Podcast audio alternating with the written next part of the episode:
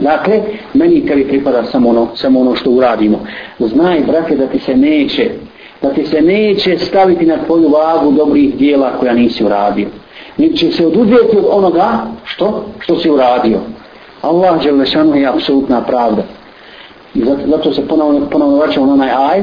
Ako vi nećete to, ako nećete da budete takvi, ako nećete prihvatiti kompletnu vjeru, ja i da nam uskoro fisilni kafa, o uđite u vjeru potpuno, potpuno, Allah će vas zamijeniti drugim narodom koji onda neće biti kao vi. U Palestini, spomenuli smo u Palestinu, jel? U Palestini 50 godina zuluma. 50 muslimani, evo sad prič, malo prije smo pričali o hađu. Više od 5 miliona muslimana je bilo ove godine na hađu. Više od 5 miliona muslimana. I alhamdulillah da Allah u Kabuli da primi vali.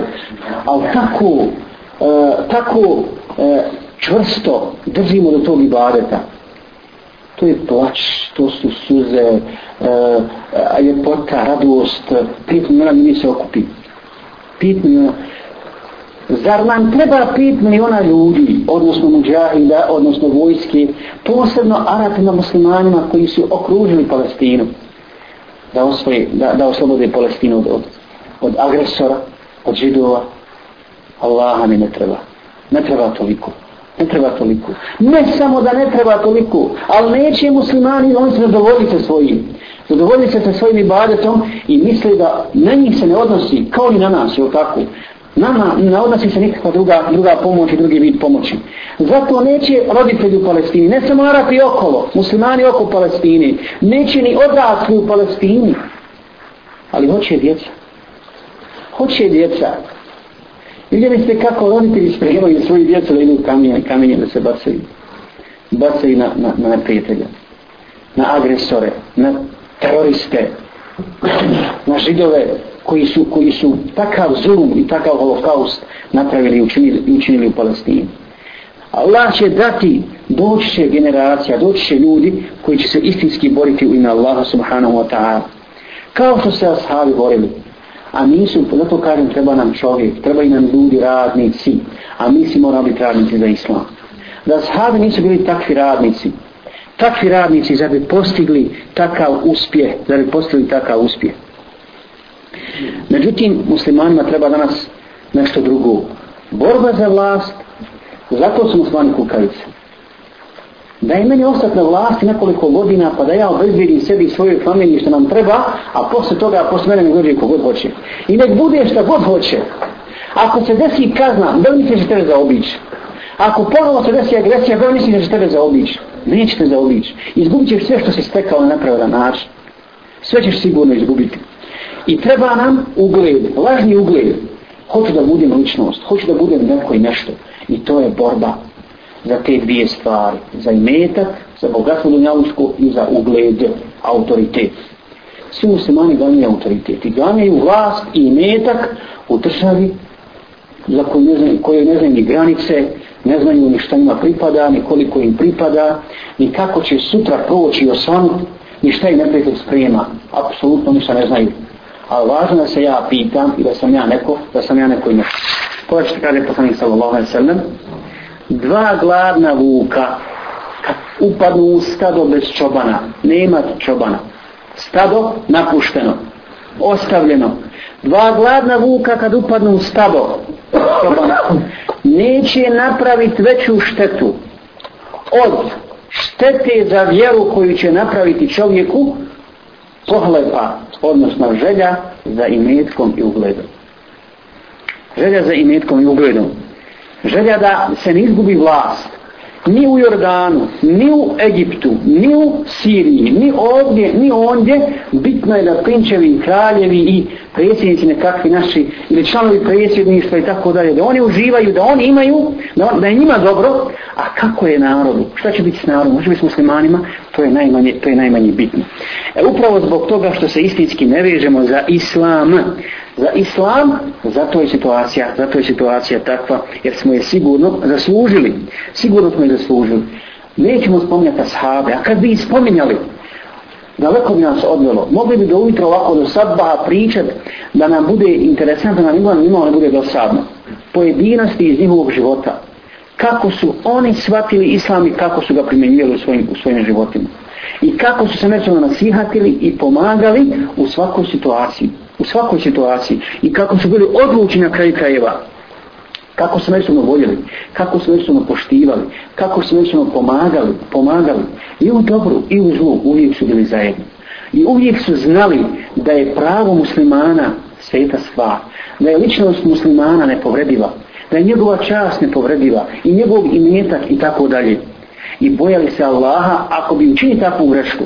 Ako bi učinili takvu grešku kao što je, kao što je e, Abu Zer učinio Bilalu, kad mu je rekao ti si, crn, ti si sin crne robinje, nije htio da ode nije htio da ode jer je vidio da je napravio veliku grešku, da je uvidio svoga brata, dok, dok mu Bilal nije stao svojom nogom na njegovo, na njegovo lice. Dakle, tako se ponašali ashabi. I onda im je bila najpreća, ne njihova, ne, ne, ne, ne njihovi imeci, zašta njihovih imetaka, da ne izgube svoj posjed koji su zaradili negdje u nekoj bitci s poslanikom Veselem. Najpreća im je bila dava i želja da se islam proširi drugima. Jer islam nije naš monopol, braćo. Poslanik sa Selem je poslanik svim ljudima do sudnjega dana. I židovima, i kršćanima, i budistima, i ovima, i onima. Poslat je svim ljudima. E mi to treba da objašnjamo ljudima. Ko će im to objasniti? Ako neće oni koji učije vjeru, koji je znaju, ali prije svega svojim djelom. Sjetimo se Abdullah Lahim Mubaraka, spominjali smo ga, jel?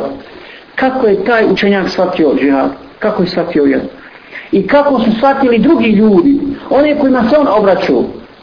On je znao ko je bio Fudaj ibn Iyad. Jel da mi svi ono ilahiju, ja Abdel Haramini znamo na pamet. Makar ne znali što znači.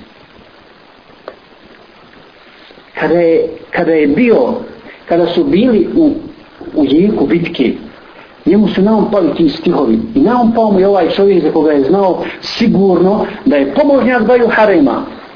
Da je, da je natopio to, taj pjesak u haremu svojim suzama. Iskrenog ibadeta. Iskreno Iskrenog ibadeta Allahu Đelešanu. Jer je bio veliki griješnik prije toga. I kad se pokajao Allahu Đelešanu, bio lopov, poznati lopov od Arabija. To znamo. Kad se vratio Allahu Đelešanu, nakon što je čuo kuranski ajet, je htio da ukrade, pokrade jednu kuću pa je čuo kuranski ajet, a nam je idem ledanu an tahša kulubom i vikillah, zar nije vrijeme svijednicima srca smekšeni kad čuju, kad se Allah pomeni, kad čuju Allahu govor, ono što Allah objavlji, on je rekao, al-an, ja Allah, sad, došlo je vrijeme gospodaru, sad je došlo vrijeme, pa je posle toga postao jedan najpobožniji, najučenih ljudi, najučenih ljudi u, u dva harama, Meka i Medina, dva sveta mjesta. Pa mu je ovaj čovjek, pobožni također, muđahid i alim, ispjevao pjesmu i poslao mu to.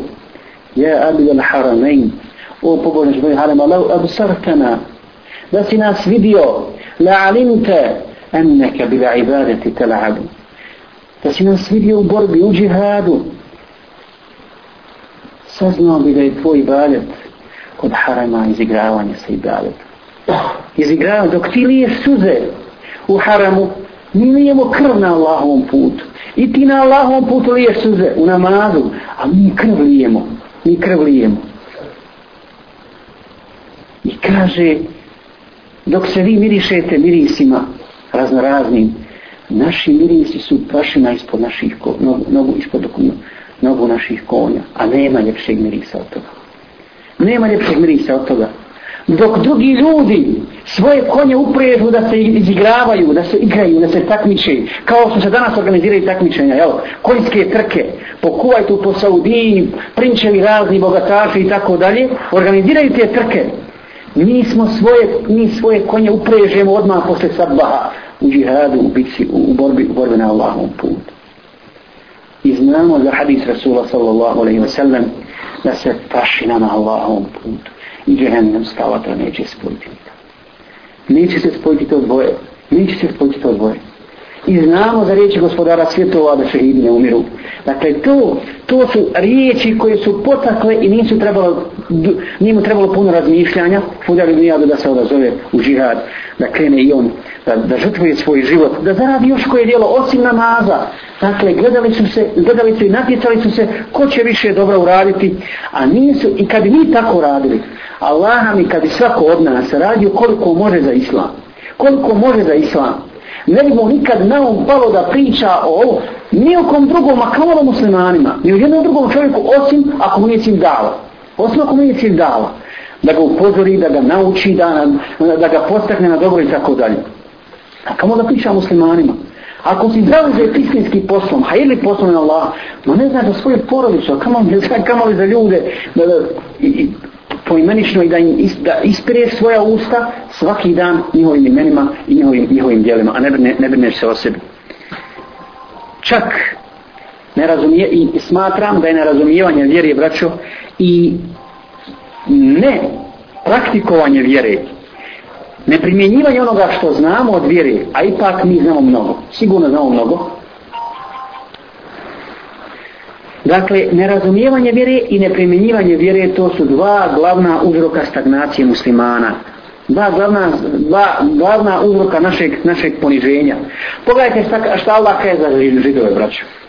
Kaže Allah među osnovu za židove, Buribete alejhimu zillatu ajnema tukifu. Na njih je poniženje. Oni će biti poniženi gdje god budu. Nema mjesta na zemlji gdje budu, da neće biti poniženi. Ko je danas poniženi? Muslimani ili židovi? muslimani. Dakle, poniženi od onih kojima Allah obećao poniženje Poniženi čak od njih. Dakle, šta je potrebno? Potrebno je istinsko razumijevanje vjeri, istinsko obraćanje vjeri. Tauba ishrana koja se uvijek mora činiti, brać. Uvijek se mora činiti. Jer toliki smo griješnici da nam ne može biti puno taube. Da nam ne može biti puno taube. Prije nego što dođe Allahova kazna. Jer Allah Đelešanovu kaže وَمَا كَنَ اللَّهُ مَا وِدُمُ مِسْتَكْفِرُمْ Allah i neće kazniti dok god budu istiklad činili. Allah poslaniku kaže da neće ljude kazniti dok god je poslanik među njima i druga stvar neće i kazniti dok god budu istiklačeni iskreno i što se Allahu Đelešanovu kajali i vraćali. I onome, onome kuranskom ajetu gdje Allah kaže Kul ja ibadi ladine asrafu, la, asrafu ala nfusihim la taknatu min rahmatillah. O, reci o Allah i koji ste prema sebi ogriješili, gubite nadu Allahu milost.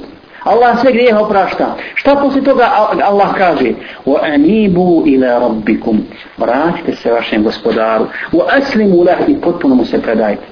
Potpuno mu se predajte. Min qabl an ya'tiyakum al'adabu thumma la tunsarun. Prije nego što vam dođe kazna od koje nećete imati nikakve pomoći, od koje nećete imati nikakvu pomagača, od koje vas neće niko zaštititi. Dakle, vratite se istinski Allahu, istinski se pokajte Allahu, potpuno se i potpuno se pokorite Allahu. O aslimu da, potpuno se pokorite. Kao što mu se pokori Ibrahim a.s. Kao što mu se pokorio, pokorio Muhammed s.a.v. i ashabi poslanika sallallahu alaihi wa sallam i zato je Allah dao, dao uspje. Jer vraću treba da znamo da je danas, danas je na Dunjaluku, mislim na Dunjalu, danas je dijelo bez obračuna, sutra je obračun bez dijela, bez mogućnosti da se više išta uradi, a onda je, a onda će biti kasno i onda je se džaba kajati.